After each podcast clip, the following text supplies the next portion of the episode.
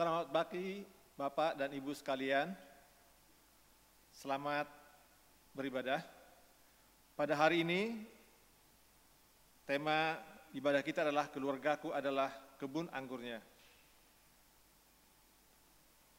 Liturgi ibadah online akan dilayani oleh Pendeta Dr. Thomas Kartomo MTH.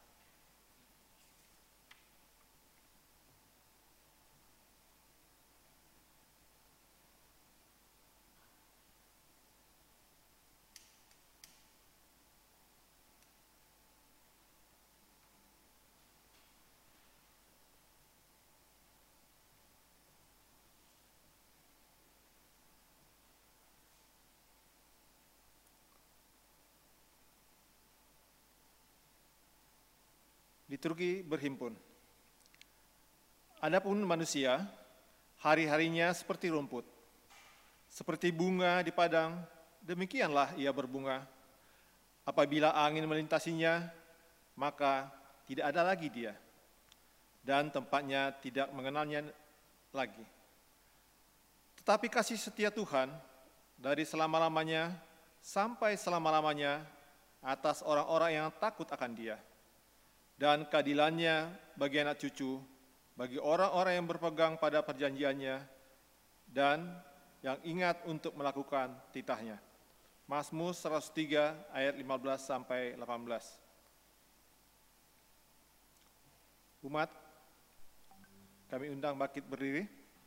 Nyanyian umat PKJ 204 ayat 1 sampai 2. Adapun manusia.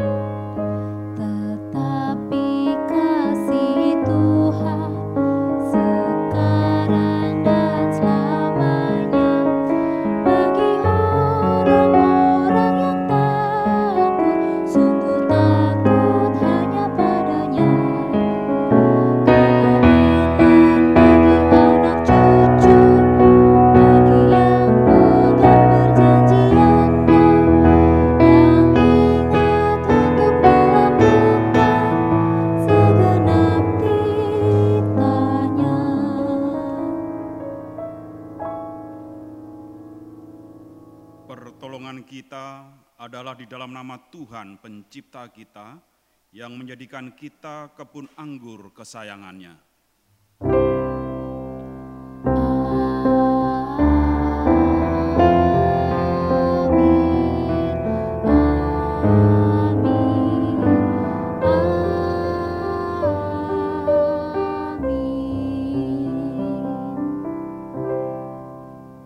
kasih karunia dan damai sejahtera dari Allah Bapa kita dan dari Tuhan Yesus Kristus menyertai saudara sekalian, dan menyertai saudara juga.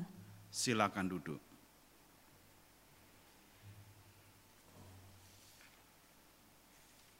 Pengakuan dosa. Anakmu bukanlah milikmu. Mereka adalah putra-putri sang hidup yang rindu akan dirinya sendiri. Mereka lahir lewat engkau, tetapi bukan dari engkau mereka ada padamu, tetapi bukanlah milikmu. Berikanlah mereka kasih sayangmu, namun jangan sodorkan pemikiranmu, sebab pada mereka ada alam pikirannya sendiri. Patut kau berikan rumah bagi raganya, namun tidak bagi jiwanya. Sebab jiwa mereka adalah penghuni rumah masa depan, yang tiada dapat kau kunjungi sekalipun dalam mimpimu. Engkau boleh berusaha menyerupai mereka, namun jangan membuat mereka menyerupaimu.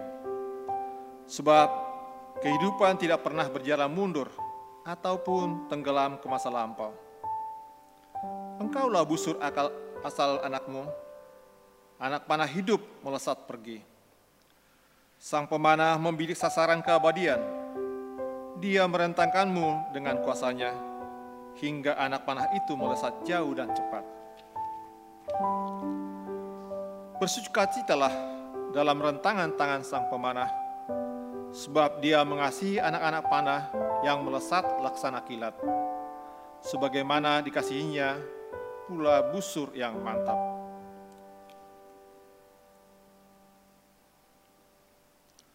Puisi Khalil Gibran mengingatkan kita bahwa sesungguhnya setiap kita adalah milik Sang Pencipta. Kita bukanlah milik orang tua kita. Dan anak-anak kita bukanlah milik kita. Kita dan keluarga adalah kebun anggur Tuhan, dan kita dipilih untuk menjadi penggarapnya. Sebagai orang tua, sudahkah kita menggarap dengan baik anak-anak hasil buah anggur yang dipercayakan kepada kita? Apakah kita rajin menyiram dan menyiangi ranting-ranting anggur sehingga anak-anak kita menjadi anggur yang manis? Anak-anak dapat berbuah manis hanya jika mereka melekat kepada pohon anggur yang benar, yaitu Tuhan Yesus. Adakah kita sebagai orang tua penggarapnya senantiasa mengupayakan agar kehidupan anak-anak kita berpaut pada Tuhan? Ataukah kita justru menjadi penghalang anak-anak kita untuk mendekat kepada Tuhan? Marilah kita menggumuli hal ini, membawanya dalam doa dan permohonan, mengakui dosa kesalahan yang kita lakukan selama ini dalam menggarap kebun anggur Tuhan.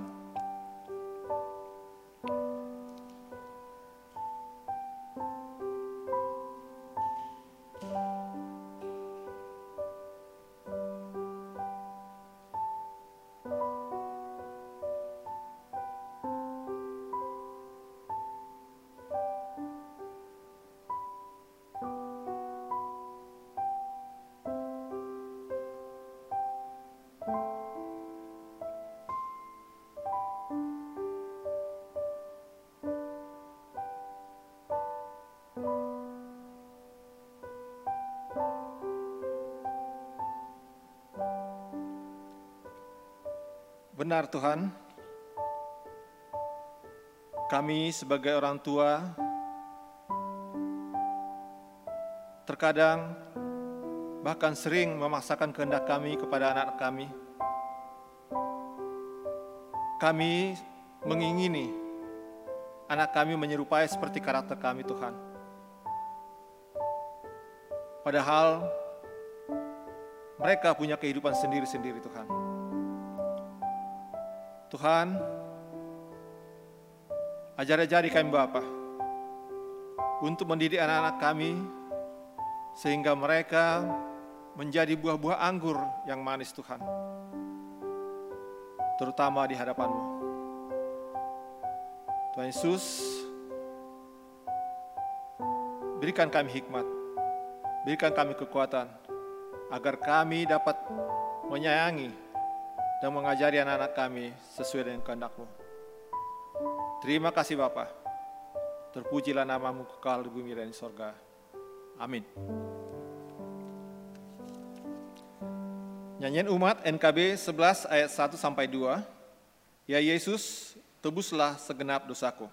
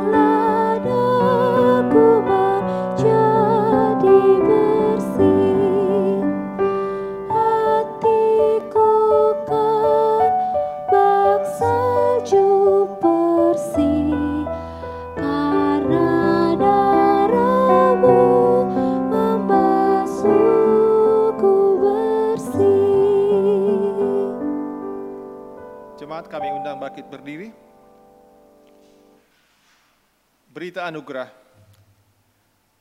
Bagi kita yang mengakui kelalaian kita dalam menggarap kebun anggur Tuhan, firman Tuhan dalam Mazmur 103 ayat 10 dan 12 tertulis demikian.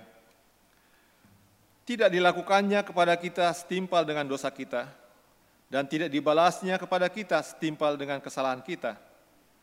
Tetapi setinggi langit di atas bumi, demikian besarnya kasih setianya atas orang-orang yang takut akan dia. Sejauh timur dari barat, demikianlah dijauhkannya daripada kita pelanggaran kita. Demikianlah berita anugerah dari Tuhan. Syukur kepada Allah. Nyanyian umat PKJ 205 ayat 1 sampai 2. Alangkah indahnya kasih setiamu.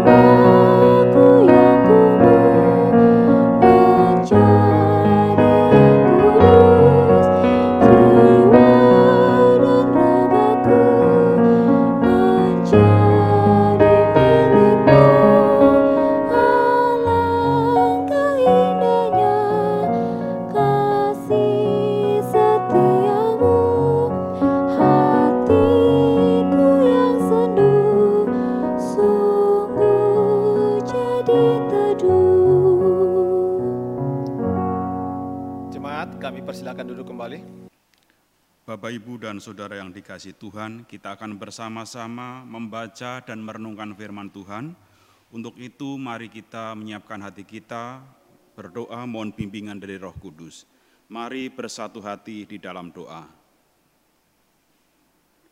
Puji syukur kami panjatkan kehadirat-Mu ya Tuhan, oleh karena kasih setiamu yang luar biasa, yang terus mengalir di dalam kehidupan kami, termasuk dalam cinta kasih pada saat kami mengalami pendamaian dengan Engkau, dalam pendamaian dengan saudara-saudara kami yang nyata di bumi ini. Kami bersyukur atas semuanya itu. Kiranya rasa syukur kami ini menjadi semakin sempurna. Untuk itu perdengarkanlah suaramu melalui pembacaan firmanmu yang tertulis. Demikian juga melalui pewartaan sabdamu itu. Karenanya pembacaan dan pewartaan sabda ini sepenuhnya kami berserah kepadamu ya Tuhan. Supaya kuasa roh kudus yang melingkupi kami, mencerai pikiran kami, dan mengarahkan hati kami untuk menerima firman-Mu. Di dalam nama Kristus Yesus Sang Firman yang hidup, kami naikkan doa kami. Amin. Bapak, Ibu, dan Saudara yang saya kasihi, pembacaan firman Tuhan pada siang pada pagi hari ini diambil dari Matius 21 ayat 33 hingga 46. Matius 21 ayat 33 hingga 46. Saya akan membacakan bagi Bapak, Ibu, dan Saudara semuanya. Perumpamaan tentang penggarap-penggarap kebun anggur. Dengarkanlah suatu perumpamaan yang lain. Adalah seorang tuan tanah membuka kebun anggur, dan menanam pagar sekelilingnya. Ia menggali lubang tempat memeras anggur dan mendirikan menara jaga di dalam kebun itu. Kemudian ia menyewa kebun itu kepada penggarap-penggarap lalu berangkat ke negeri lain. Ketika hampir tiba musim petik, ia menyuruh hamba-hambanya kepada penggarap-penggarap itu untuk menerima hasil yang menjadi bagiannya. Tetapi penggarap-penggarap itu menangkap hamba-hambanya itu, mereka memukul yang seorang, membunuh yang lain, dan melempari yang lain pula dengan batu.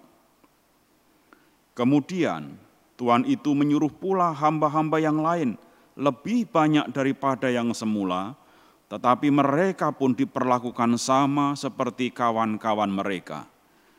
Akhirnya ia menyuruh anaknya kepada mereka, katanya, "Anakku akan mereka segani." Tetapi ketika penggarap-penggarap itu melihat anaknya itu, mereka berkata seorang kepada yang lain, "Ia adalah ahli waris, mari kita bunuh dia, supaya warisannya menjadi milik kita." Mereka menangkapnya dan melemparkannya keluar kebun anggur itu, lalu membunuhnya. Maka apabila tuan kebun anggur itu datang, apakah yang akan dilakukannya dengan penggarap-penggarap itu? Kata mereka kepadanya, ia akan membinasakan orang-orang jahat itu dan kebun anggurnya akan disewakannya kepada penggarap-penggarap lain yang akan menyerahkan hasilnya kepadanya pada waktunya. Kata Yesus kepada mereka, "Belum pernahkah kamu baca dalam kitab suci, batu yang dibuang oleh tukang-tukang bangunan telah menjadi batu penjuru? Hal itu terjadi dari pihak Tuhan, suatu perbuatan ajaib di mata kita. Sebab itu, aku berkata kepadamu bahwa kerajaan Allah akan diambil daripadamu." dan akan diberikan kepada suatu bangsa yang akan menghasilkan buah kerajaan itu. Dan barang siapa jatuh ke atas batu itu, ia akan hancur, dan barang siapa ditimpa batu itu, ia akan remuk. Ketika imam-imam kepala dan orang-orang Farisi mendengar perumpamaan-perumpamaan Yesus, mereka mengerti bahwa merekalah yang dimaksudkannya, dan mereka berusaha untuk menangkap Dia tetapi mereka takut kepada orang banyak karena orang banyak itu menganggap dia nabi. Demikianlah Injil Yesus Kristus, berbahagialah setiap kita mendengarkan firman Allah dan yang memeliharanya dalam kehidupan sehari-hari. Haleluya.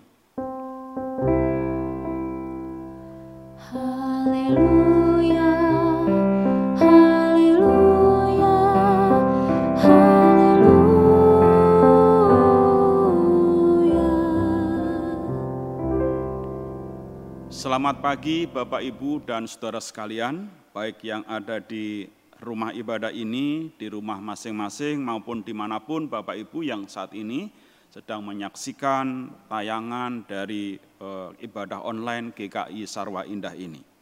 Tema pada pagi hari ini, keluargaku adalah kebun anggurnya. Dibayangkan ada dua hal, yang pertama keluarga, yang kedua adalah kebun anggur, lalu diintegrasikan menjadi sebuah gambaran analogi bahwa keluarga kita diibaratkan seperti kebun anggur. Bapak Ibu, bagi saya keluarga itu sangat penting. Dalam keluargalah kita dibentuk, dalam keluargalah seseorang merasakan kasih sayang, merasakan penerimaan. Keluarga bagi saya adalah surga tempat di mana cinta kasih dan juga pemaafan, pengampunan bisa dilakukan. Dan di situ dinyatakan secara jujur dan tulus. Hanya di tengah-tengah keluargalah kita itu menjadi apa adanya. Tidak ada yang ditutup-tutupi. Yang jahat kelihatan jahat, yang baik kelihatan baik. Hanya di dalam keluargalah kita merasakan bagaimana sebuah ketulusan itu terjadi dan bagaimana adanya kemunafikan itu juga dipertunjukkan secara transparan. Singkat kata, Keluarga, melalui keluarga tidak ada yang ditutupi dan tidak ada yang disembunyikan. Karena keluarga itu adalah bagian dari cerminan dari kerajaan Allah. Berbicara tentang keluarga dan dampaknya kepada kehidupan anggota keluarganya. Banyak contoh telah ditunjukkan bahwa orang menjadi seperti apa dirinya. Seseorang itu menjadi baik, seseorang itu menjadi buruk, sangat dipengaruhi oleh keluarganya. Apakah anak itu akan kelak menjadi anak yang takut akan Tuhan, ataupun menjadi anak yang justru melawan Tuhan, juga sangat dipengaruhi oleh keluarganya. Sambil contoh Bapak Ibu, ada suatu penelitian yang dilakukan pada abad ke-19. Dilakukan terhadap satu dua keluarga yang dinilai sangat berbeda satu dengan yang lain. Penelitian yang pertama dilakukan kepada satu keluarga yang induk moyangnya, nenek moyangnya adalah bernama Makjukes, Bapak Ibu. Keluarga ini dianggap keluarga yang tidak takut akan Tuhan, bahkan tidak percaya kepada Tuhan. Keturunannya dihitung ada 560. Dari penelitian ini ditunjukkan, dari keluarga yang tidak takut akan Tuhan, bahkan tidak percaya Tuhan itu, 300 orang keturunannya menjadi seorang pengemis. 150 menjadi seorang penjahat. Tujuh orang menjadi pembunuh, 100 dikenal sebagai perempuan penghibur, dan bagian yang lainnya menjadi beban negara yang merugikan sampai 1 miliar 25 juta dolar. Ini sebuah penelitian yang dilakukan oleh Benjamin Walfit pada abad ke-19. Lalu satu keluarga lagi diteliti untuk menunjukkan gambaran keluarga yang takut akan Tuhan dan percaya kepada Tuhan. Yaitu dilakukan terhadap keluarga Jonathan Edward. Seorang yang cinta Tuhan, seorang yang mengabdi kepada Tuhan. Jonathan Edward ini punya keturunan sangat banyak Bapak Ibu.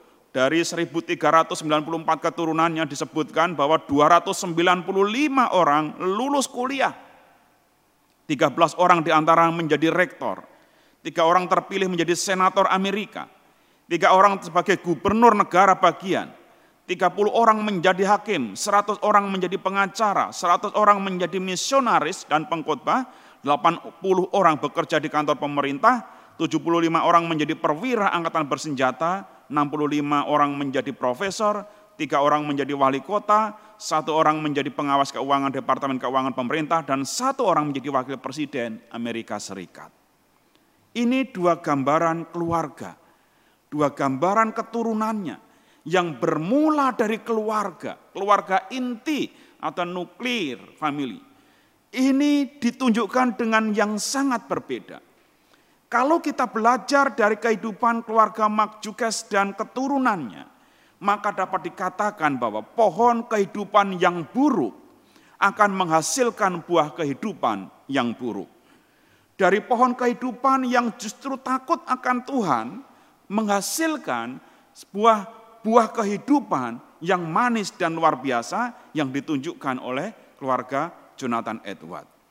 Bagi kita saat ini diingatkan ketika kita belajar tentang tema kita, keluargaku adalah kebun anggurku maka mau dikatakan keluarga kita adalah tempat kita menggarap kehidupan ini.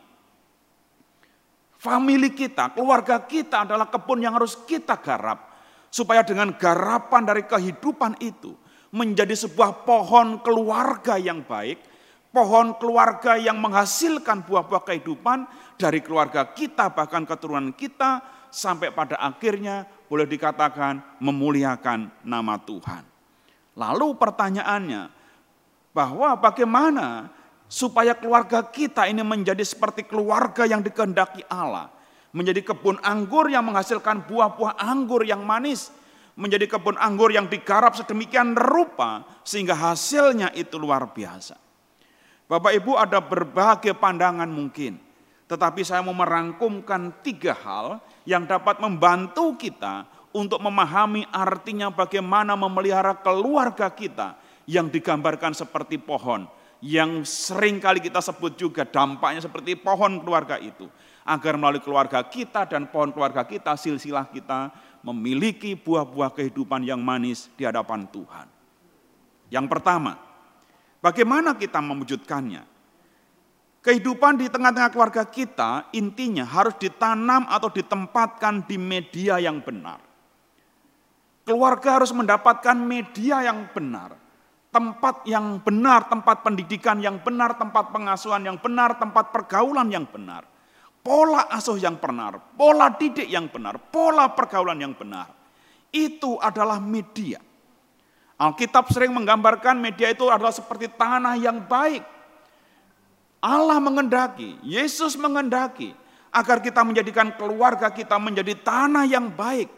Tanah yang baik itu indikasinya apabila ditaburi benih firman Tuhan, di tengah-tengah tanah yang baik itu, di tengah-tengah keluarga itu, benih firman Tuhan itu akan bertumbuh dan berkembang di dalam keluarga itu. Pada bagian yang lain, pemazmur menunjukkan bahwa pohon kehidupan yang baik itu akan menjadi berbuah ketika ditanam di tepian aliran air. Air kehidupan. Yesus pernah menggambarkan dirinya adalah air hidup. Barang siapa yang haus, dia bisa mendapatkan kepuasan ketika mendekat dengan Yesus. Sama ketika digambarkan oleh pemazmur dalam Mazmur pertama. Orang benar hidupnya di, berada di tepi aliran air yang menghasilkan buah pada musimnya, tepat pada waktunya. Ini gambaran bagaimana kita menempatkan media kita dan melakukan suatu pendidikan yang luar biasa. Lalu pada pokok yang lain dikatakan, Yohanes menceritakan, sebuah pohon bisa menghasilkan buah yang baik digambarkan seperti pokok anggur apabila nempel pada pokok anggur yang benar.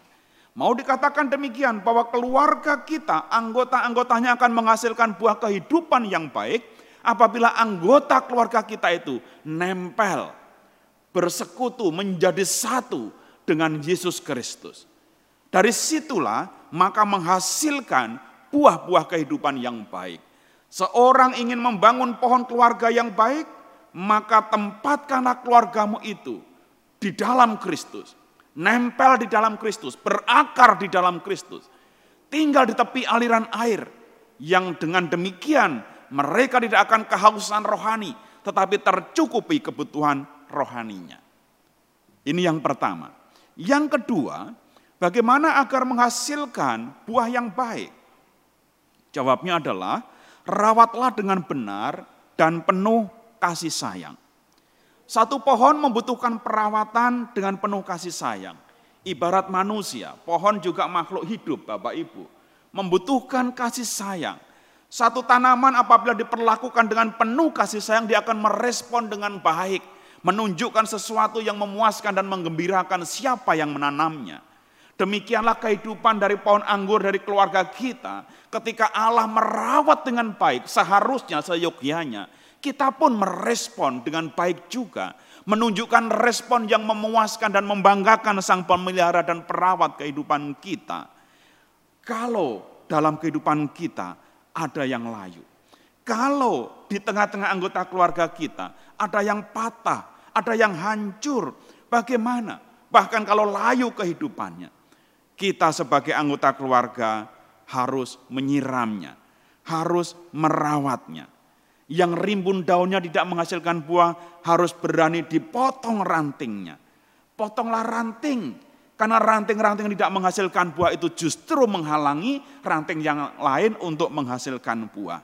Inilah hakikat perawatan. Allah merawat kehidupan kita dan kita pun harus merawat kehidupan anggota keluarga kita sebagai pohon anggur Allah itu. Supaya dari pohon anggur keluarga kita dalam pohon keluarga kita itu menjadi pohon yang berbuah. Saya mau menunjukkan Bapak Ibu, hakikat merawat pohon keluarga supaya menjadi baik yang nyaris hancur itu kalau dilakukan dengan penuh kasih sayang, penuh ketulusan akan menghasilkan sesuatu yang luar biasa. Dikisahkan ada sepasang suami istri. Mereka sudah cekcok bertahun-tahun, Bahkan lakinya sudah berencana nikah lagi. Mereka sudah pisah ranjang bahkan pisah rumah bertahun-tahun. Suatu saat sang suami ini mendatangi istrinya untuk menyatakan dia minta talak diceraikan. Mengatakan kepada istrinya, istriku aku sudah tidak betah lagi bersamamu dan faktanya kita sudah tidak bisa serumah lagi sudah bertahun-tahun, maka supaya masing-masing kita bebas, saya mau melakukan perceraian dengan engkau. Dia menyatakan satu mengajukan ini, aku akan mengajukan perceraian dengan gugatan seperti ini. Istrinya membaca Bapak Ibu, bla bla bla bla bla. Istrinya manggut-manggut, lalu menangis, meneteskan air mata. Dipandanginya suaminya. Entah kenapa, saat itu dia mempercerita sesuatu. Dia katakan selama ini aku tidak bisa melayanimu dengan baik, karena sesungguhnya aku menderita sakit. Aku menderita sakit kanker, sehingga tidak bisa melayanimu. Namun aku tidak pernah bercerita kepadamu, karena kalau aku bercerita kamu pasti marah. Saat itu suaminya kaget, istrinya sakit tapi tidak ngomong. Tapi dia sudah terlanjur, niatnya sudah mau menceraikan. Iya, tapi aku sudah berniat untuk menikah lagi dan aku mau cerai. Istrinya minta sesuatu. Oke, kalau itu keinginanmu, aku minta satu saja. Satu dan kamu harus mengabulkan. Apa itu? Kamu tinggal di rumah ini satu bulan, dan selama satu bulan itu kau rawat aku. Aku yang sakit ini kalau perlu ke mana-mana kamu harus menggendong aku. Oke? Bolehlah, tidak terlalu berat. Bapak Ibu laki-laki ini tinggal kembali bersama istrinya dengan anaknya. Setiap pagi istrinya minta, Mas aku minta digendong ke dapur.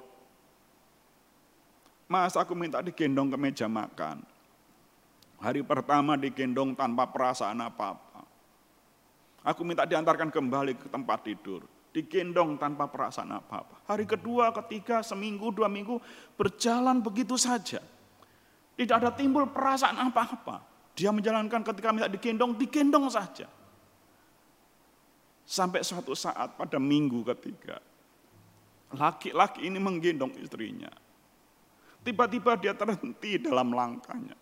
Ada sesuatu yang menggetarkan hatinya. Ada sesuatu yang melelehkan kerasnya hatinya, kerasnya kepala. Dia tidak tahu dia tidak mengatakan kepada istrinya.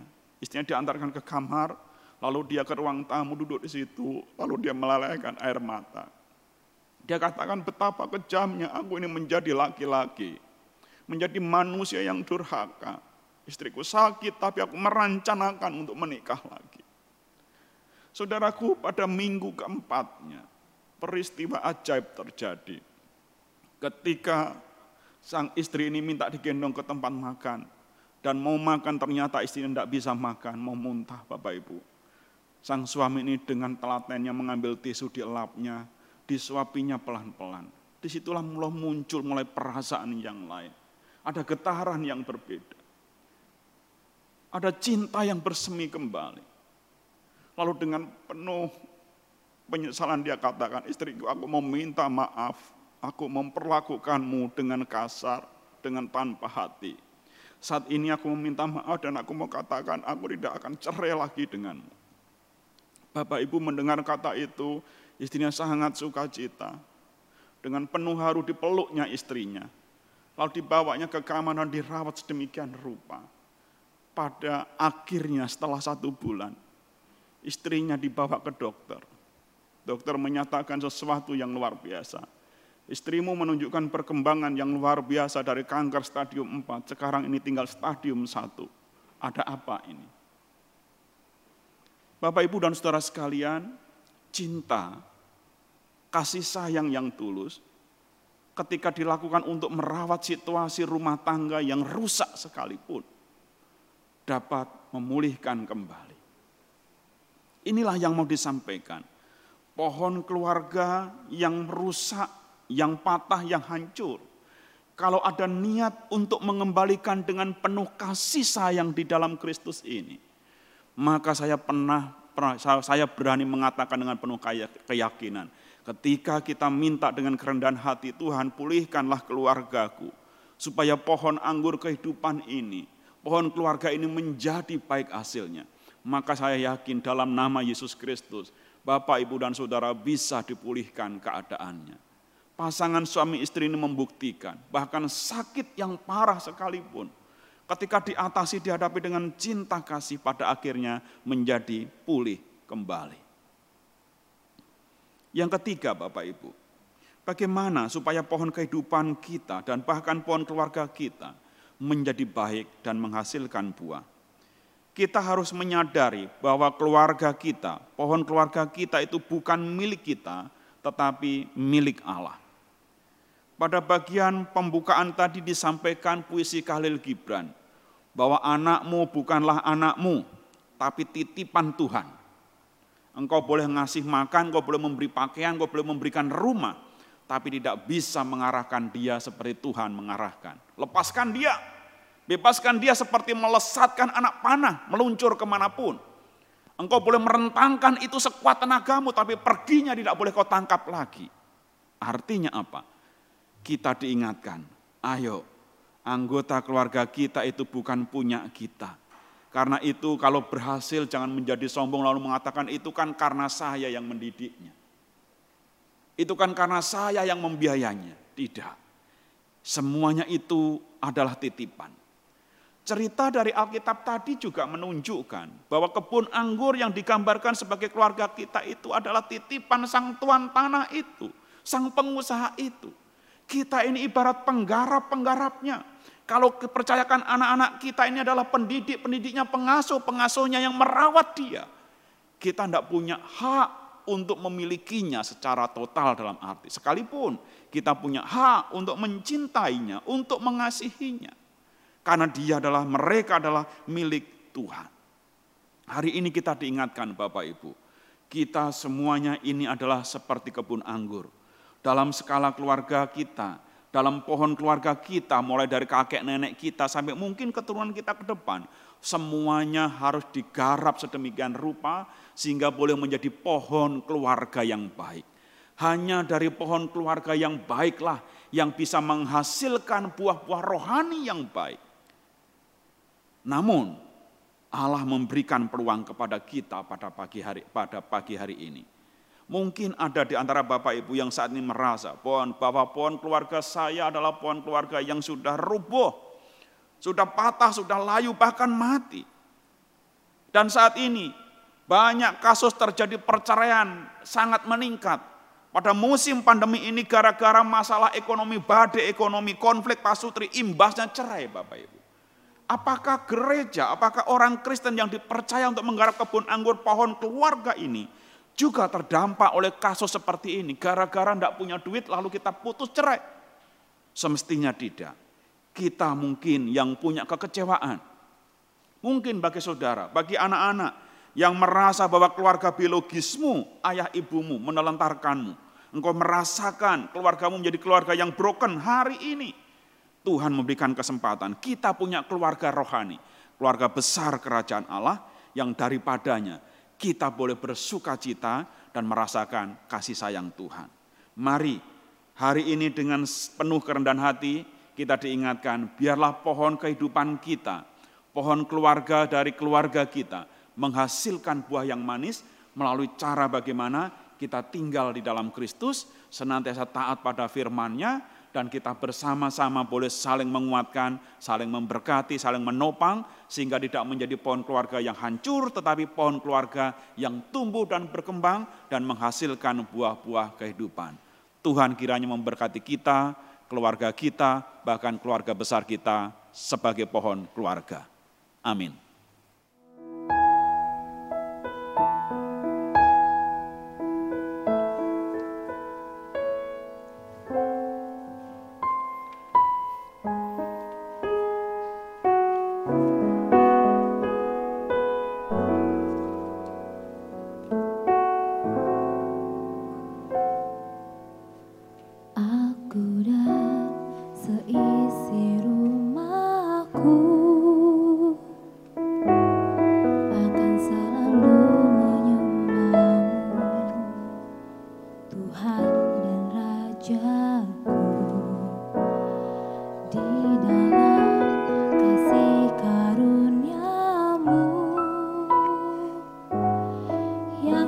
Saling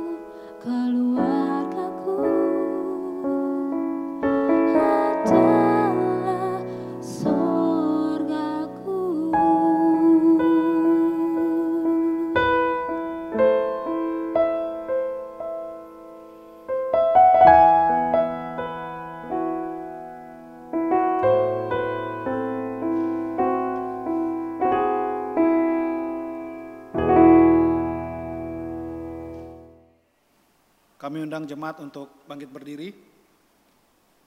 Marilah kita bersama dengan umat Allah di masa lalu, masa kini, dan masa depan mengingat pengakuan pada baptisan kita menurut pengakuan iman rasuli. Aku percaya kepada Allah, Bapa yang Maha Kuasa, Halik langit dan bumi, dan kepada Yesus Kristus, anaknya yang tunggal Tuhan kita, yang dikandung daripada roh kudus, lahir dari anak darah Maria, yang menderita sengsara di bawah pemerintahan Pontius Pilatus, disalibkan, mati dan dikuburkan, turun dalam ke dalam kerajaan maut pada hari yang ketiga, bangkit pula dari antara orang mati, naik ke sorga, duduk di sebelah kanan Allah, Bapa yang Maha Kuasa, dan dari sana ia akan datang untuk menghakimi orang yang hidup dan yang mati. Aku percaya kepada Roh Kudus, gereja yang kudus dan am, persekutuan orang kudus, pengampunan dosa, kebangkitan orang mati, dan hidup yang kekal. Amin. Semat dipersilahkan duduk. Mari kita bersatu dalam doa. Tuhan, kami mengucapkan terima kasih dan bersyukur Tuhan, Engkau masih memberikan kami tempat beribadah di tempat ini sampai hari ini Tuhan Yesus. Kami berterima kasih Bapa atas semuanya. Tuhan ajar-ajari kami untuk mengelola gedung ini Tuhan, agar kami dapat memanfaatkannya dengan sebaik mungkin. Tuhan Yesus, kami juga merindukan Tuhan, gedung gereja di Nusa Lauka Tuhan Yesus. Kami ini diberikan lahan di sana Bapak, tapi sampai saat ini Tuhan, kami belum memperoleh surat izin pemempatan lahan dari Pemda Tangerang Selatan. Berbagai pihak telah ikut serta untuk mengurus izin ini Tuhan Yesus. Tolong Tuhan, berikan roh sukacita, berikan kekuatan dan hikmat kepada para pihak, sehingga semua dapat berjalan sesuai dengan kehendak Tuhan. Kami yakin dan percaya waktu Tuhan adalah waktu yang terindah buat kami. Tuhan, kami juga mengucapkan terima kasih atas sekolah Nusa Indah yang masih bisa kami pergunakan untuk beribadah sekolah minggu maupun remaja Tuhan. Juga kami manfaatkan lahan parkir mereka. Tolong Tuhan, berikan sukacita Tuhan kepada para pengurus maupun guru-guru sekolah Nusa Indah maupun murid-muridnya, agar sekolah ini menjadi berkat di tengah-tengah lingkungannya Tuhan Yesus. Terima kasih Bapak, terpujilah namamu kekal bumi dan di sorga. Ya Bapa hambamu memohon juga untuk pergumulan-pergumulan dan menyampaikan juga rasa syukur dari umatmu secara khusus jemaat dan simpatisan GKI Sarwa Indah ini. Pada kesempatan ini kami bersyukur untuk saudara-saudara kami yang kau tambahkan usia genap satu tahun pada ulang tahunnya. Kami mendukung dan bersyukur untuk Penatua Ricardo Tambunan, Ibu Kristiana Eni, Saudara Oki Willy Kurnia, dan Ibu Heni Ariana Siregar. Tuhan kiranya pertambahan usia dalam ulang tahun ini menjadi tanda syukur bagi mereka bahwa Tuhan dengan penuh setia memelihara kehidupan mereka, mencukupinya bahkan tidak pernah berkekurangan. Karena itu biarlah di masa depan pengharapan mereka senantiasa terarah kepadamu, dan mereka boleh berkarya di dalam kuasamu dan menghasilkan buah-buah kehidupan yang manis. Kami juga memohon belas kasihan dan kemurahanmu atas saudara-saudara kami yang mendambakan dan menaruh pengharapan untuk sembuh. Seperti Ibu Gustina Pasaribu Berumar Paung, Ibu Mami Palon, Ibu Sarah Jaya Sumadi, Ibu Hana Panjaitan, Ibu Yulia Kristianti, Ibu Virginia Samanta Sapang, Bapak Christian Hutagalung, Ibu Nike Elizabeth Buki, Ibu Maria Magdalena, Bapak Wahyu Hidayat, Ibu Yohana Triani, Bapak Elisa Hia, Bapak Rudi Pasaribu, dan Bapak Andre Pasaribu. Mereka dalam kondisi kelemahan ya Tuhan, dan mereka sungguh mengharapkan akan mujizat dan karyamu yang luar biasa dalam hidup mereka. Karena itu ya Tuhan, berilah belas kasihan, dan biarlah mereka boleh menikmati kesembuhan yang bersumber daripadamu. Karena itu upaya-upaya yang dilakukan untuk mendapatkan kesembuhan, baik upaya medis ataupun treatment lain yang dipakai untuk mendatang kebaikan, engkau berkati supaya hasilnya menjadi maksimal. Kami pun berdoa ya Tuhan Yesus, untuk jemaatmu yang tidak dapat kami sebutkan satu persatu, di mana pun mereka berada. Dalam segala pergumulan mungkin tidak bergumul dengan kesehatan, tapi mereka bergumul dengan keuangan, secara khusus di masa pandemi ini. Oleh karena pekerjaan yang semakin sulit, usaha yang semakin rumit, kiranya Tuhan Engkau memberkati seperti Engkau memberkati burung-burung di udara. Sekalipun mereka tidak menanam, mereka tidak menabung, tapi mereka dicukupi kebutuhannya. Dan biarlah iman yang demikian lahir di dalam kehidupan setiap anak-anakmu, baik anggota jemaat maupun simpatisan, sehingga mereka tidak berputus asa, tetapi mereka tetap senantiasa menaruh pengharapan kepada Tuhan. Bagi saudara-saudara kami yang saat ini masih bekerja, harus ke kantor ataupun bekerja dari rumah, berkati ya Tuhan, lindungi mereka supaya mereka tidak mengalami sakit penyakit ataupun terdampak karena pandemi ini, namun mereka dalam keadaan sehat walafiat tetap berkarya di dalam Tuhan. Berkati setiap rumah tangga dalam kondisi pandemi ini ya Tuhan. Di dalam segala kecamuk konflik baik secara finansial, relasi, komunikasi, Tuhan biarlah mereka menjadi keluarga yang handal, keluarga yang tangguh, siap menghadapi banyak tantangan, dan mereka boleh tetap senantiasa hidup dalam takut akan Tuhan.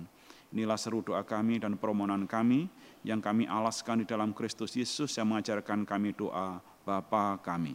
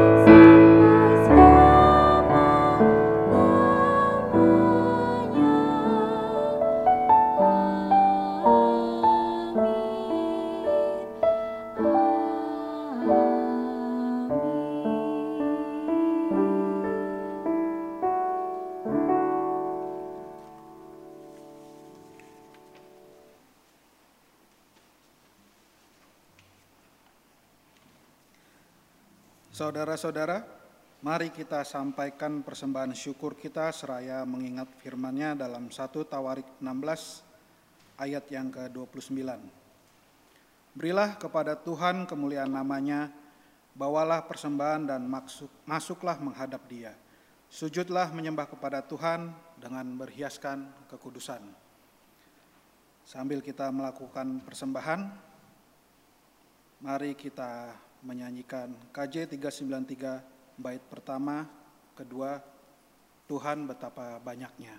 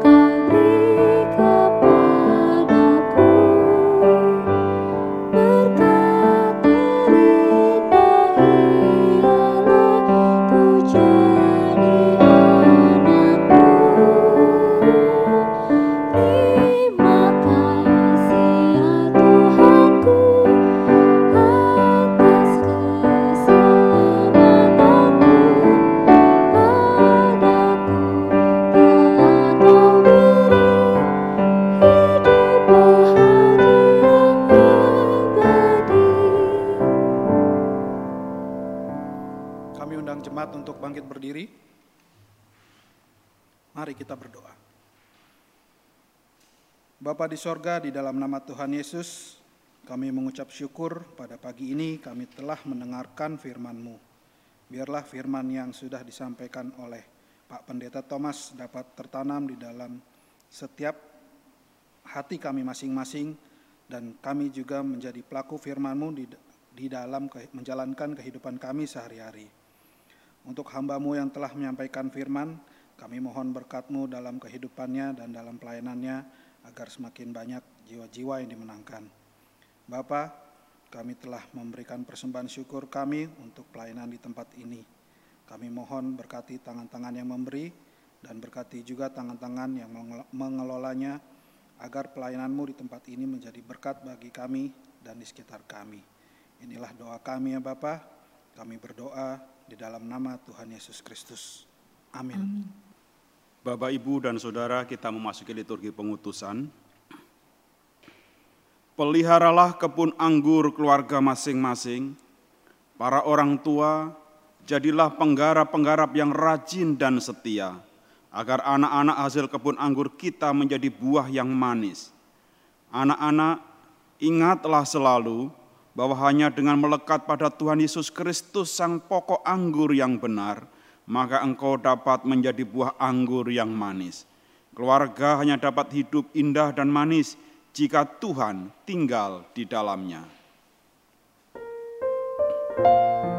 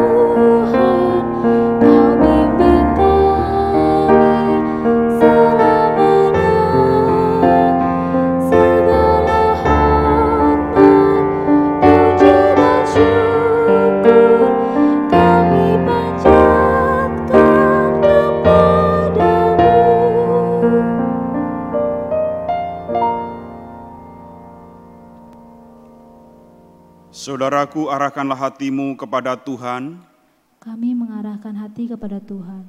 jadilah saksi Kristus, Syukur kepada Allah, terpujilah Tuhan, kini dan selamanya. terimalah berkat Tuhan. Tuhan memberkati engkau dan melindungi engkau. Tuhan menyinari engkau dengan wajahnya dan memberi engkau kasih karunia. Tuhan menghadapkan wajahnya kepadamu dan memberi engkau damai sejahtera. Haleluya.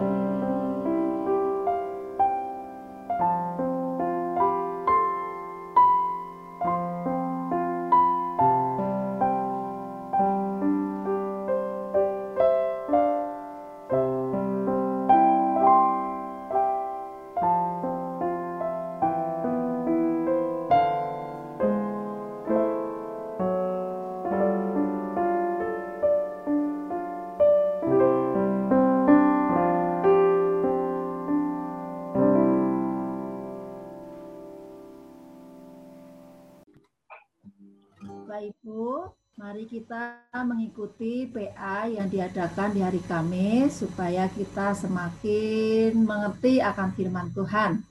Terima kasih. Selamat hari Minggu. Selamat hari Minggu. Selamat hari Minggu.